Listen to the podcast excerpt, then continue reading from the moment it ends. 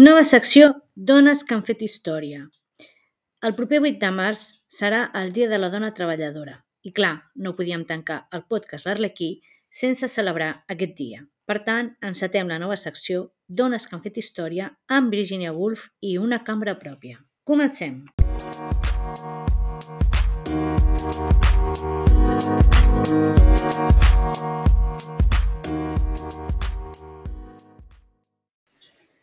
I per què comencem amb Virginia Woolf? Doncs perquè l'any 1929 va publicar Una cambra pròpia, un assaig on una de les idees principals és la reflexió sobre la manca d'espais de la dona per a escriure o per a realitzar-se en la societat dels anys 20 del segle passat.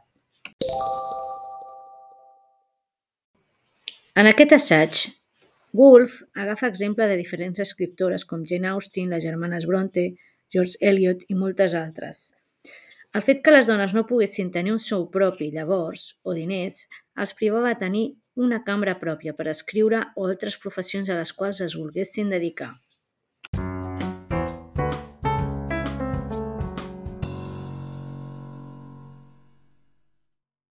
En la meva opinió, tot i que aquest assaig és del segle XX, és molt actual. Crec que més que mai cal que les dones tinguin un espai propi per allò que desitgin ser, sense que ningú les jutgi per voler ser elles mateixes.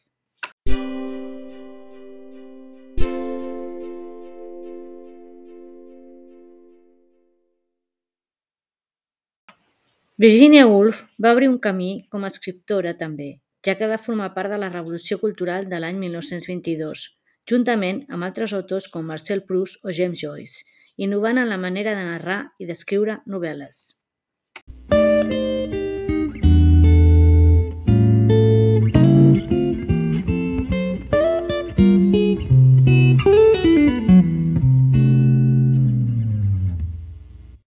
Virginia Woolf va obrir una porta a partir d'aquest assaig a moltes dones que potser volien obrir-la però no s'atrevien per por.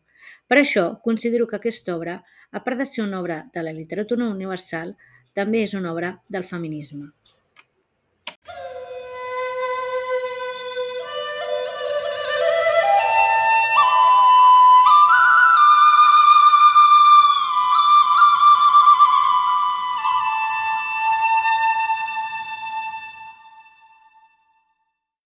Avui, per concloure aquesta nova secció i aquest podcast, us llegiré un breu fragment d'una cambra pròpia de Virginia Woolf.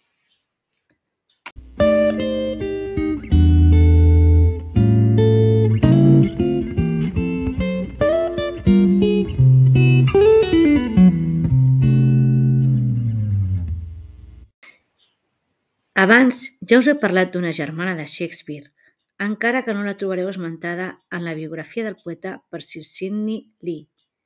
Morí jove, pobra i mai no escrigué res.